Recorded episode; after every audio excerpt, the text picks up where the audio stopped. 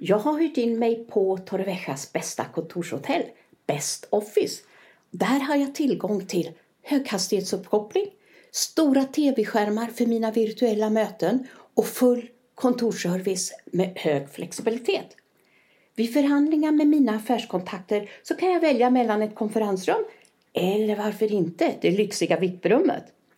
På kontoret kommer jag i kontakt med nya kreativa människor vilket gett mig ett utökat kontaktnätverk. Du kan hyra in dig per timme, dag, vecka eller månader. Professionellt, enkelt och smart val av mig som saknar eget kontor.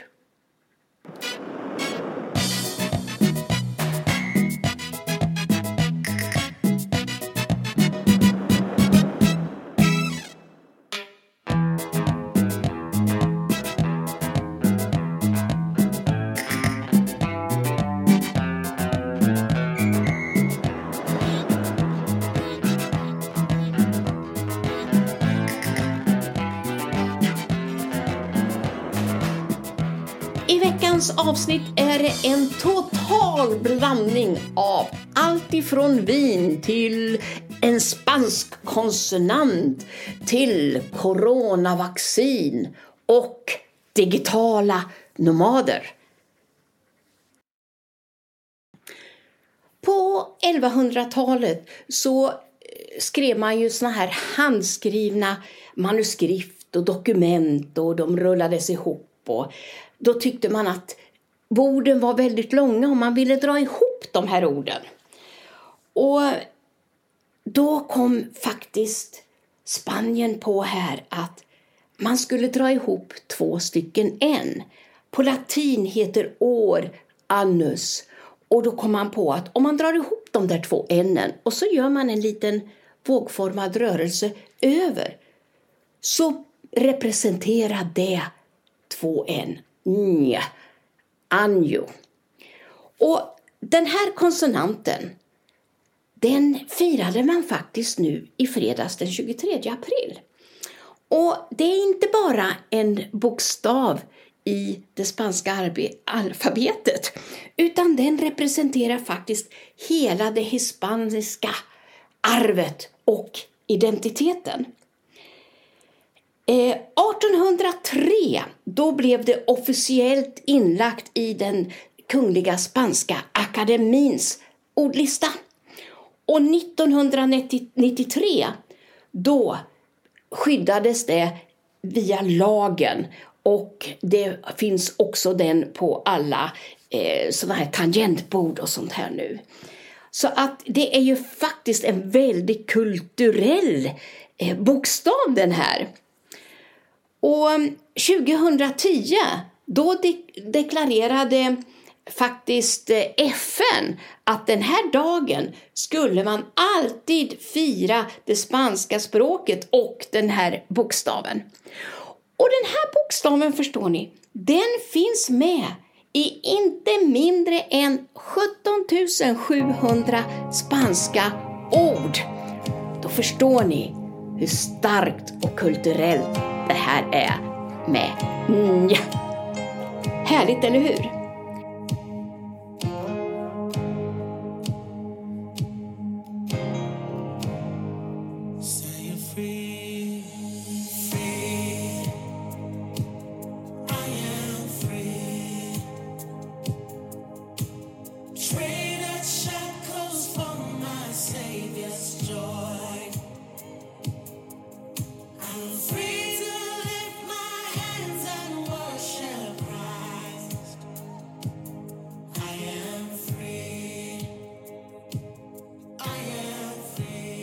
Det var Dr. Tumi, I am free.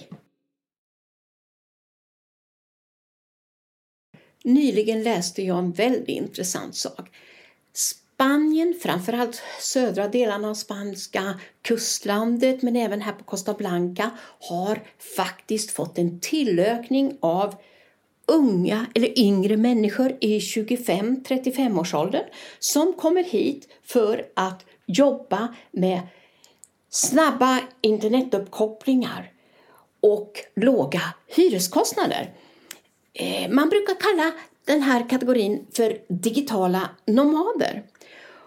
Och främst kommer de från England, Tyskland men också Skandinavien. Och då har man märkt det här även hos kommunen. Så kommunen är ju full gång för att se till att alla de här människorna får vad de behöver.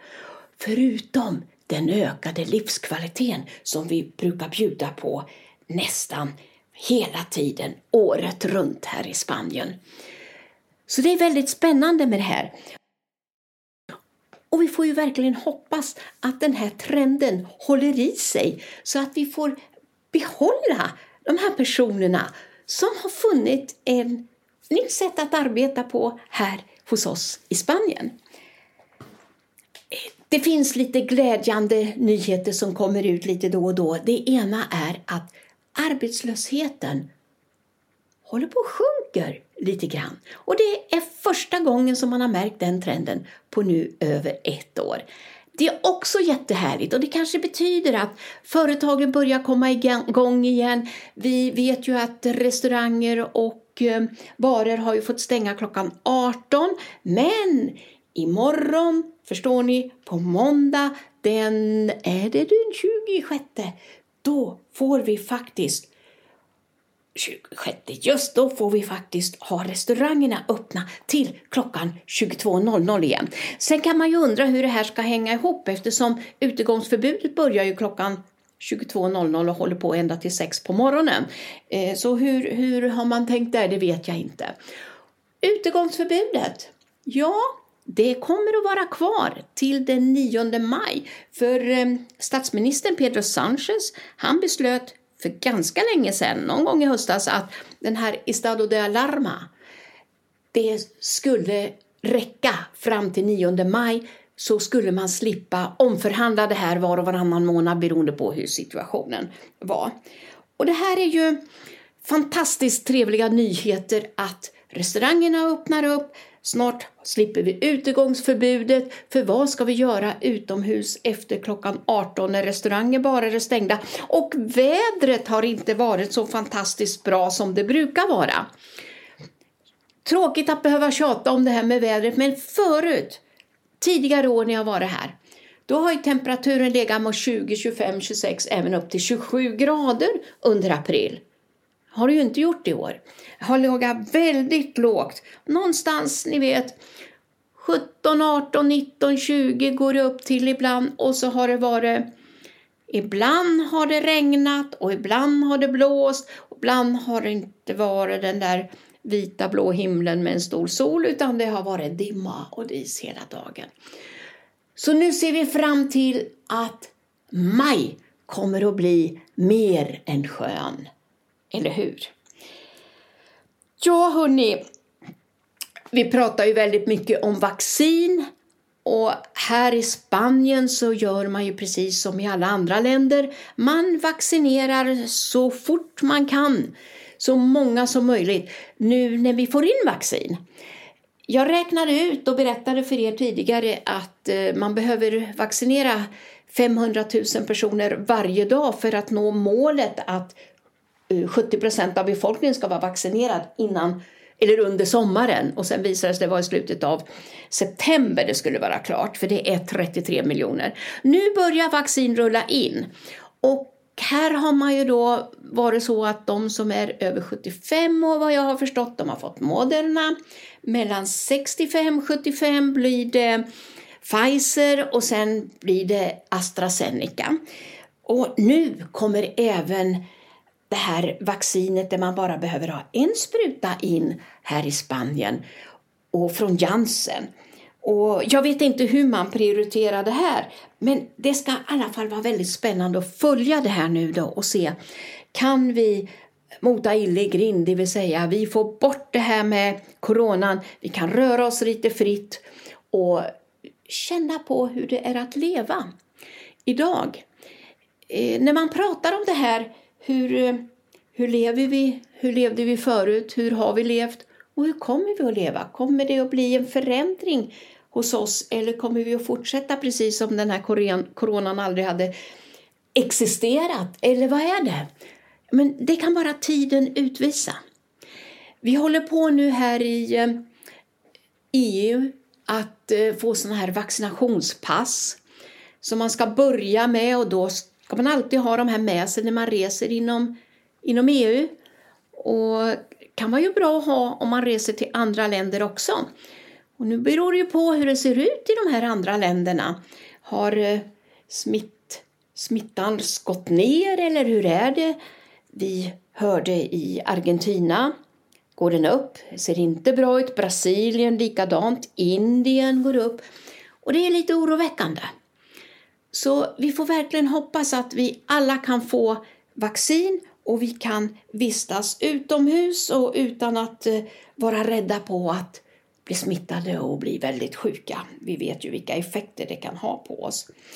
Så spännande, spännande eh, framtid här. Vi är oerhört positiva till allt som har med coronan, coronans vändning att göra.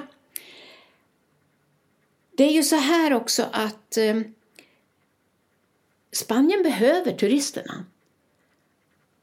Och om man ska ha de här restriktionerna, man ska ha eh, vaccinationspass, man ska ha PCR-test, man ska ha karantän i vissa länder när de åker tillbaka. Här i Spanien har vi inte pratat om att man ska sitta i karantän. Och då undrar man, kommer folk att komma hit? Jag pratade med min granne här som berättade, de är från England och de har barn och barnbarn där. Om de ska åka till England nu, då måste de sitta i karantän tio dagar där. Plus att alla de här proverna som man ska med sig, göra när man åker dit och när man åker hit tillbaka, kostar de 500 euro per person. Det är alltså nästan 10 000, ja det är mer än 10 000 kronor. Och då är frågan om man prioriterar att åka till England. England är ju inte med i EU längre. Jag vet inte om det har med det här att göra eller vad det är, för inom EU ska vi ju kunna åka transit även i fortsättningen. Så det är många saker som, som ska kluras ut och vi får väl, vi får väl verkligen hoppas att eh, det blir bättre för oss alla. Det är faktiskt så här att eh, i Spanien så har födelsetalet gått ner ganska så drastiskt. Det var lågt redan innan och nu går det ner ännu mer. Och det här oroar faktiskt de spanska myndigheterna. För att dels får man ju en ojämn åldersfördelning och sen när man ska börja skolor då har man ju byggt stora fina skolor och sen är de för stora. För elevantalet finns inte där. Och det är ju likadant det här med pensionerna. Det är ju det arbetande folket som ska stå för pensionerna.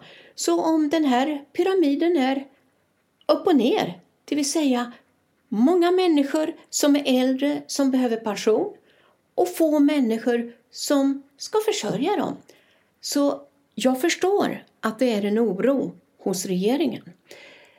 Jag har inte hört om att eh, det ska bli eh, eller vad, vad de har tänkt göra åt det här.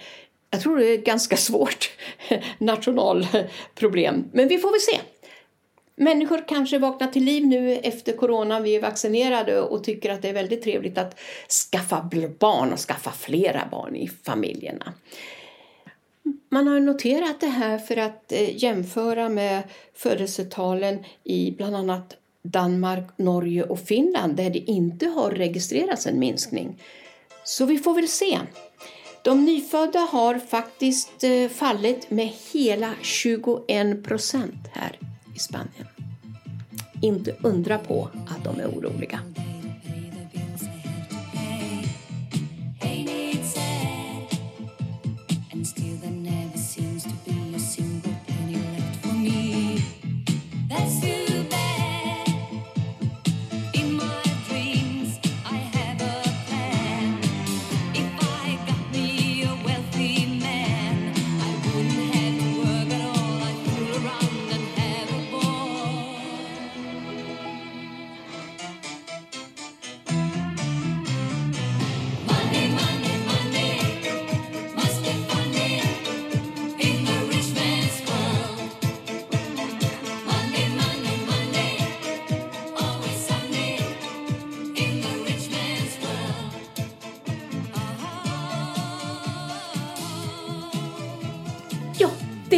Abba som framförde sin häftiga låt Money, money, money. Och då kommer vi in på ett nytt område igen. Uppskattas det att ungefär 15 000 personer kommer att förlora sina arbeten inom den finansiella sektorn under de kommande åren. Och sådana här omfattande uppsägningar, det har Spanien aldrig upplevt tidigare. Och det handlar främst om att tidens begränsade eh, intäktsmöjligheter och fusioner. Ni vet, banker slås samman, de, de har ju köpt upp varandra. Så inte bara att de slås ihop, de minskar ju antalet kontor också. Det har vi ju sett, flera kontor här runt omkring mig har ju faktiskt stängt. Och eh, den sista fusionen var mellan La Caixa och Bankia. Det innebar faktiskt att 8000 människor fick sägas upp. Banco Santander, de har också varslat om 5000 arbetstagare. Så ni förstår, det här är mycket förändringar inom just eh, bank bankväsendet. Jag vet inte om det följer med några försäkringsbolag senare med neddragningar och sammanslagningar. För en del av de här bankerna har ju även försäkringar till oss. Så vi får väl se, avvakta den här utvecklingen. Men vi vet att någonting är på gång i alla fall. Nu igen då. Nu ska jag prata om vin. Jag vet inte om jag har nämnt det här innan men när man går ut på restaurang och äter en god middag så kan det ju smaka bra med ett glas vin eller två.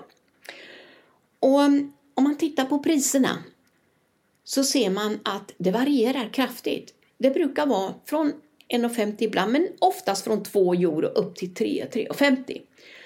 Och går man på en vanlig liten enkel restaurang och får betala 3,50 för ett glas vin och så har man lite vin på botten. Då blir man lite arg. Vin är billigt här. Bra vin kan du få för ja, från 2 euro, till och med en del köper ännu lägre och uppåt. Men man betalar inte hur mycket som helst för vinerna. Går man ut på de här lite finare restaurangerna så har de som husets vin, de har ju Rioja och de har Ribera di Duero. Då kostar en flaska ungefär 8, 10, 11 euro och det tycker jag är okej. Okay. Men ett enkelt vin som man inte känner till varifrån det kommer och man tar nästan 14 euro på en enkel restaurang. Då blev jag irriterad. Jag kan bara säga. Det låter lite löjligt kanske. Men vin, bra vin behöver inte vara dyrt här i Spanien. Nu när det ska börja och bli lite varmare då brukar många dricka något som heter Tinto de Verano. Och det är faktiskt en spansk drink som man dricker då på sommaren. Verano betyder ju sommar. Och eh, då är det ju varmt och, och skönt. Och eh, ma man serverar den här direkt när man har blandat den och den ska vara kall. Och man kan ta en flaska rödvin och så tar man lite citronläsk eller gasosa en citron och is och så blandar man in det. Fyller man det här i en kanna och sen så dricker man. Då är det ganska läskande. Och det här vinet man har, det behöver inte alls vara något dyrt vin utan man kan köpa ett vanligt eh, rödvin i, i affärerna. För att piffa till den här Tinto Verano eh, så kan man faktiskt lägga i lite äpplen i den. Väldigt friskt och härligt. Tinto de Verano från Spanien. Därmed får jag be och tacka för mig och jag tackar dig som lyssnar, som är en trogen lyssnare. Och återkom gärna till mig med idéer och uppslag på vad du vill veta mer om här i Spanien. Ta hand om er allihopa där ute. Hej då!